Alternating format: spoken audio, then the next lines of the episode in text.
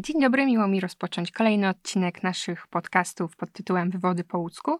Ja nazywam się Aleksandra Górecka i jestem doktorantką w Katedrze UNESCO Ekohydrologii i Ekologii Stosowanej Wydziału Biologii i Ochrony Środowiska Uniwersytetu Łódzkiego. E, ja również nazywam się Aleksandra, tylko że Aleksandra Hamerska. Jestem specjalistką do spraw monitoringu w Europejskim Centrum Ekohydrologii Polskiej Akademii Nauk w Łodzi. I tak się złożyło, że akurat dzisiaj mamy 1 lipca i wydaje mi się, że jest to jeden z najgorętszych dni, jaki mamy w tym roku. Mm-hmm. Temperatura dzisiaj przynajmniej według prognoz miała sięgać 34 stopni, więc jest gorąco i to nawet bardzo.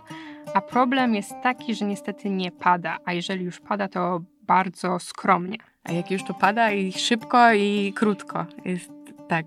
I właśnie o tym dzisiaj będziemy rozmawiać, ale jeszcze słowem wstępu jeśli spojrzymy na raport GUS, e, który został opublikowany pod koniec ubiegłego roku, e, można się z niego dowiedzieć, że Polska znajduje się na 24 miejscu w Unii Europejskiej pod względem odnawialnych zasobów wody słodkiej. Czyli jesteśmy w ostatniej piątce rankingu. Za nami są Czechy, Cypr i Malta. Jesteśmy krajem, który nie, nie, nie ma zbyt ciepłego morza. Dokładnie. Który, także jest to duży problem. Dokładnie. I okazuje się, że tak naprawdę na jednego mieszkańca w Polsce przypada niecałe 1600 m3 wody, a według ONZ granicą, poniżej której kraj można uznać za zagrożony niedoborem wody, jest 1700 m3. Także jest to granica dość poważna i my coraz bardziej właściwie już ją przekroczyliśmy. I to wszystko jakby mówi nam o tym, że temat wody jest bardzo ważny i ważny jest być może nawet bardziej temat braku tej wody. I ważne jest to, żeby nie tylko o tym problemie mówić, ale też starać się coś robić, żeby ten problem zmniejszyć. I właśnie dlatego w dzisiejszym odcinku będziemy wywodzić o niezwykle aktualnym problemie, jakim jest susza. Naszym dzisiejszym gościem jest dr Sebastian Szklarek, adiunkt w Europejskim Regionalnym Centrum Ekohydrologii Polskiej Akademii Nauk, członek Regionalnej Rady Ochrony Przyrody przy Regionalnej Dyrekcji Ochrony Środowiska w Łodzi oraz twórca bloga Świat Wody, na którym już od kilku lat porusza tematy związane z ekohydrologią. I wiem, że właśnie na swoim blogu już od kilku lat poruszasz tematy związane z suszą. I chciałam Cię zapytać, jak to jest w tym roku? Z jaką skalą problemu mamy do czynienia? Jak to wygląda, porównując na przykład z poprzednimi latami? Tak naprawdę mamy y, skalę wieloletnią problemu, bo, bo ta sytuacja z suszą, która jest y, w tym roku, to jest efekt wielu lat powtarzającej się suszy i e, rosnących temperatur, które mhm. zwiększają te parowanie, bo przez zmiany klimatu te średnie temperatury są coraz wyższe, więc nawet jak już y, pojawi nam się deszcz i tutaj statystyki też pokazują, że w ciągu roku tego opadu mamy cały czas podobną ilość. Tak, zdarzają się oczywiście pojedyncze lata, kiedy tego deszczu w ciągu roku spada mniej, ale generalnie średnia roczna jest taka sama.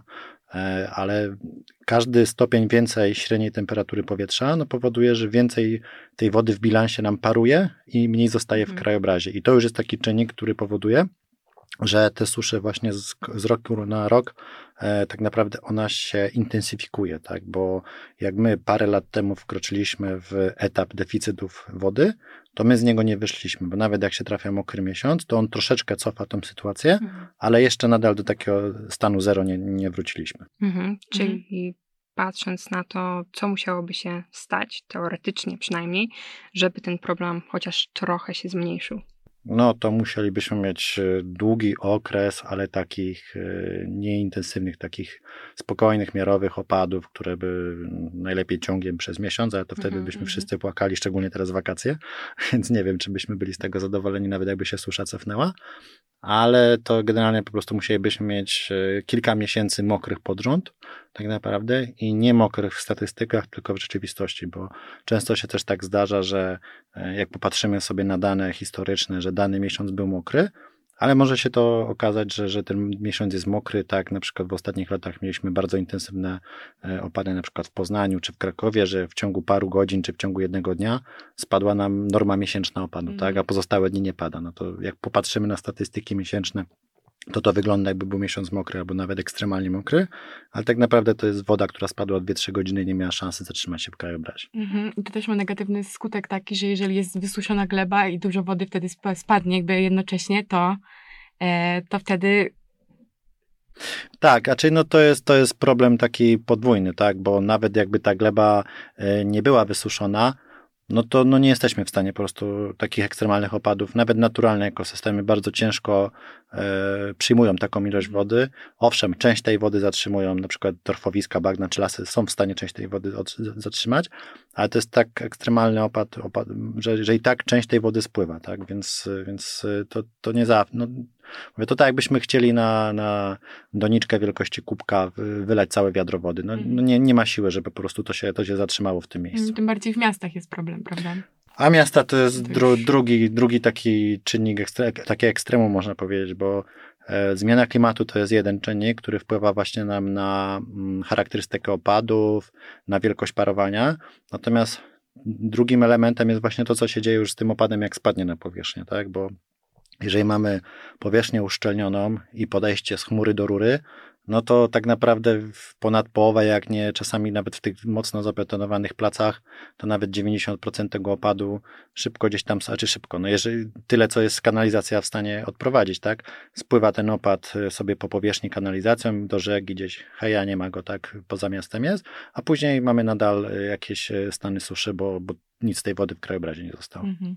W takim razie, jeżeli mamy taki problem w miastach, mm, właśnie tej silnie uszczelnionej powierzchni, betonozy, betonozy e, to co by pomogło? I jak przekonać na dodatek jeszcze ludzi, żeby iść w kierunku właśnie tej pomocy, y, żeby łapać tą wodę, wodę i zatrzymywać ją w krajobrazie, a nie wszystkiej, całej się pozbywać? Jak przekonać ludzi, żeby nie bali się tej wody? Że tak obserwując przy mojej działalności właśnie takiej popularyzatorskiej, śledząc różne media społecznościowe, komentarze, to mam wrażenie, że chyba najlepszym takim pokazem, który mógłby przekonać ludzi, to jest zabrać ich teraz na te zrewite, pseudo-rewitalizowane mhm. rynki, żeby poczuli, jakie to są konsekwencje, kiedy tej zieleni nie ma. E, a drugi czynnik, no to jeżeli pada, to rzeczywiście nie, nie przyburzy, można się schować pod drzewem i zobaczyć, ile na samej powierzchni liści, bo to jest taka nieoczywista retencja, o której my nie myślimy, tak? Bo to, że gleba gdzieś tam w stanie jest y, część tej wody zatrzymać i ona, ta woda wsiąka do tej gleby, no to jeszcze jakoś tam każdy z nas gdzieś tam z tej edukacji pamięta, jest w stanie sobie to wyobrazić. Natomiast to, że ta ogromna powierzchnia liści, szczególnie w tych y, starszym drzewostanie, jest w stanie także na swojej powierzchni zatrzymać dużą ilość tej wilgoci, no tego jakoś nie czujemy. Tak? I są takie dwa mhm. proste eksperymenty, które każdy może sobie zrobić, żeby poczuć rolę tej błękitno-zielonej infrastruktury, bo to ona jest kluczem do sukcesu, e, nie tylko w kontekście retencji czy w ogóle obiegu wody, ale także to przynosi wiele innych korzyści, tak? Poprawia jakość powietrza, redukuje hałas, zwiększa bioróżnorodność, ogranicza miejską wyspę ciepła. No jest dużo, dużo pozytywnych aspektów i też to zostało zauważone w, w najnowszych raportach IPCC, gdzie jest wskazane właśnie, że ta błękitno-zielona infrastruktura to jest nie tylko narzędzie do adaptacji do zmiany klimatu, ale także na, narzędzie do, do walki z, czy przeciwdziałania różnym innym wyzwaniom, o których na przykład jest mowa w, w granicach planetarnych. Mhm, mhm. I teraz może też nie dla wszystkich naszych słuchaczy to jest oczywiste, czym jest ta e, błękitno-zielona infrastruktura? Czy mógłbyś podać jakieś przykłady właśnie takich rozwiązań w mieście, które właśnie odpowiadają i za właśnie tą rolę e, takiej infrastruktury? Tak, znaczy, no, tak ogólnie mówiąc, to są wszystkie tereny y, wodne albo tereny zielone w mieście, które mogą być. Natomiast, żeby to jakąś funkcję spełniało, no to musi być też odpowiednio, z odpowiednim przepływem wody to zapewnione, tak? Bo y, to, co w tej chwili, jak rozglądamy się po miastach, to co najczęściej widać, to mamy ulicę albo chodnik i trawnik, który jest powyżej tego, tak? Natomiast jakbyśmy odwrócili tą tendencję, to mamy właśnie ten teren zielony, który tą wodę retencjonuje. Więc tak naprawdę te błękitno-zielone to są wszystkie tereny zielone tylko trzeba zapewnić tam dopływ wody, no i także właśnie e, jakieś rzeki, jeżeli są w mieście, e, jakieś zbiorniki wodne, czy także na przykład e, jakieś ogrody deszczowe, tak? To jest takie coś pośredniego między terenem błękitno-zielonym, bo pada, to tam woda jest, ona sobie albo wsiąknie, albo odparuje i później mamy teren zielony, który też ładnie wygląda, a właśnie w tych okresach opadowych nam zatrzymuje jedną wodę na miejscu, i to jest właśnie najważniejsze, żeby zatrzymywać wodę na miejscu, tam gdzie ona spada, albo jak najbliżej tego miejsca, a nie mhm. szukać retencji gdzieś daleko, gdzie, gdzie z dużej powierzchni, no to musielibyśmy robić ogromne przestrzenie retencyjne. No tak, ale takie tereny nie mogą być na pewno zbyt często kosione, prawda? A teraz mamy trend taki, że jest koszone nawet jak jest upał 30 stopni tak. i... Tak, ja I co mogę. wtedy? Co zrobić? Jak mm. przekonać Takich kosiarzy. No to, znaczy to nie tyle przekonać kosiarzy, tylko przekonać trzeba zamawiających. To też jest też problem prawda. taki e, administracyjno-zarządczy, tak? Bo, bo wiele tych umów jest tak konstruowanych, ileś razy wkosić w ciągu roku, niezależnie od warunków pogodowych. Nie ma tych, no i wykonawca ma tak zapisy w umowie, no to realizuje, bo później może mieć kary, więc to jest bardziej od tych, którzy zamawiają, mm. jeżeli to jest teren publiczny. Natomiast jeżeli teren prywatny, no to też trzeba się trochę powstrzymać od tego koszenia, bo e, no, najlepiej tak, jakby każdy miał, znaczy każdy, no, jakby można było sobie z kamerą termowizyjną taki teren zobaczyć, tak, bo to wtedy widać e, już sama porównanie skoszonego trawnika z trawnika nieskoszonego, to już jest kilka stopni różnicy, tak, i to przy takich ekstremalnych upałach, jak teraz się trafiły w Polsce, to ma bardzo duże znaczenie, bo im więcej nam się tego ciepła na tej powierzchni miasta zatrzyma w ciągu dnia, tym będzie cieplejsza noc, tym będzie nam się gorzej spało i następny dzień zacznie się z wyższą temperaturą i ten upał będzie jeszcze bardziej odczuwalny mhm. i, i trudniej będziemy to znosić. Mm, tak, ja mogę powiedzieć z własnego właśnie tegorocznego doświadczenia, że w moim wieżowcu teraz trawa jest koszona przed wieżowcem co tydzień właściwie, bo sprawdzam i obserwuję, mhm. a w, u sąsiadów, czyli to jest blok obok, e, jeszcze ani razu w tym roku chyba nie była koszona, więc... No właśnie, też... to jest kwestia podejścia, tak, no mm. tutaj są różne argumenty za i przeciw, ale jednak więcej jest e, za, przy, za tym, żeby nie kosić, żeby to zostawić, mhm. bo no też inna sprawa, no taka mm, nieskoszona trawa trochę wyższa, no to ja już nie mówię, że to muszą być haszcze po kilka metrów, tak, bo to wystarczy, że 10-15 y, centymetrów trawy się trochę więcej zostawi i to działa jak taka poduszka, taka okrywa, która nam zabezpiecza glebę przed wysychaniem, a to jest właśnie kluczowe mhm. w, w, zarządzaniu wodą. Czy mamy teraz suszę glebową? Można tak powiedzieć? Tak, tak. No, glebowa czasami, znaczy generalnie susza glebowa jest zmiennie nazywana z rolniczą, jak gdyby to tego samego obszaru dotyczy, bo to jest właśnie to, jak bardzo jest wyschnięta ta wierzchnia warstwa gleby mhm. i jak sobie z tym radzą rośliny, bo to, to jest zazwyczaj ta warstwa, gdzie mamy ten podstawowy system korzeniowy w większości roślin. Mm, a tak właśnie z własnej perspektywy naukowca, też człowieka, który jest zaangażowany w tą ochronę przyrody, jak e, patrzysz na przyszłość? Bardziej optymistycznie czy pesymistycznie? Uwielbiam takie pytania. ja staram się być.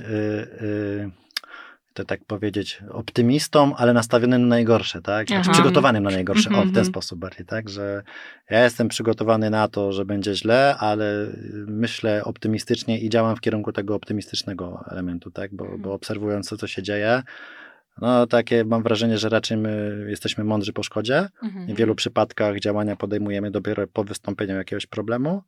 Natomiast no, poprzez tą swoją działalność raczej to jest takie bardziej optymistyczne działanie, że staram się edukować, żeby mo, a może jednak się uda zadziałać przed tak. problem, wystąpieniem mhm. problemu. I, i, I, w ten sposób y, no, trzeba, bo tak naprawdę y, zwiększając świadomość, e, przyspieszamy te zmiany.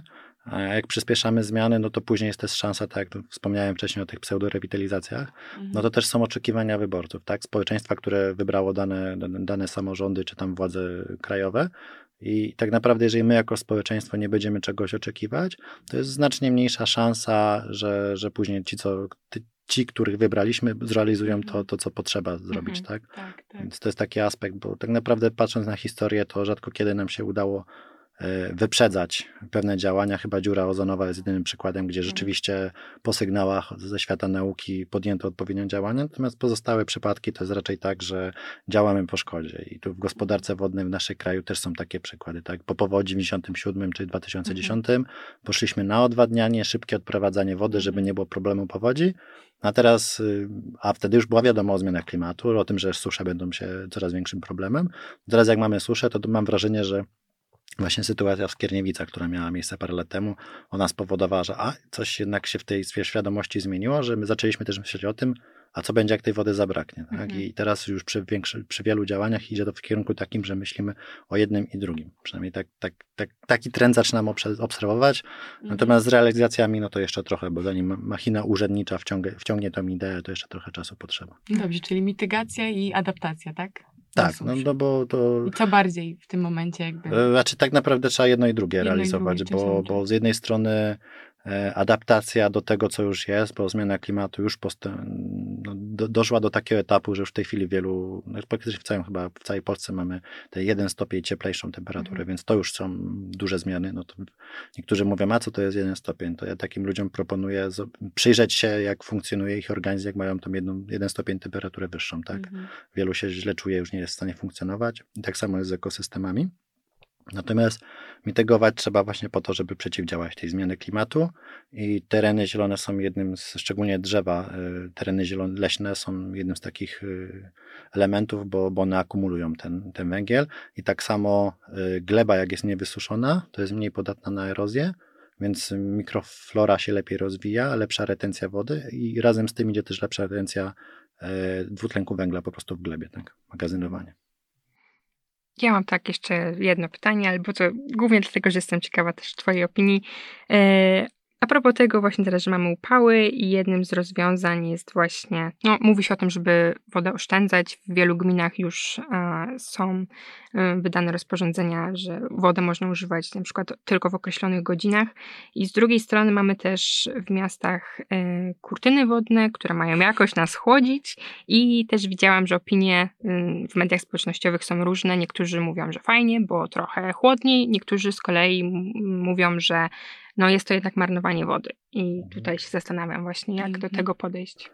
No tak, znaczy te, te kurtyny wodne to jest takie zero-jedynkowe patrzenie na, na, na, rzeczywistość, która nas otacza, tak? To, to tak, mm, świat tak nie działa i, i, to jest właśnie też to podejście, o którym mówiłem wcześniej, że po powodziach myśleliśmy o tym, żeby wodę odprowadzić, czyli znowu mhm. zero-jedynkowo, a nie patrzymy to, że jak odprowadzamy wodę, to tej wody się pozbywamy i mamy problem z suszą. I tak samo jest tutaj z tymi kurtynami wodnymi.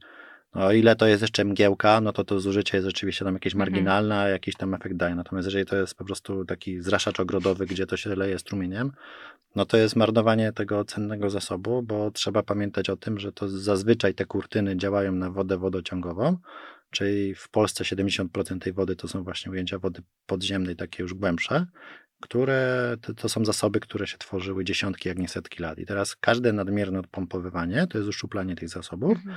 i y, tworzenie problemu przyszłym pokoleniom, bo, bo tak jak dziesiątki, setki lat te zasoby się tworzyły, no to tyle czasu będą się odtwarzały, jeżeli naruszymy tą równowagę tak, zasilania a poboru. I, I tak właśnie wiele gmin apeluje, żeby oszczędzać wodę, bo w tym okresie upalnym chcemy mieć soczyście zielone trawniczki, a one wymagają kilkudziesięciu litrów wody na metr kwadratowy codziennie, tak? Żeby, żeby takie krótkie utrzymać zielone.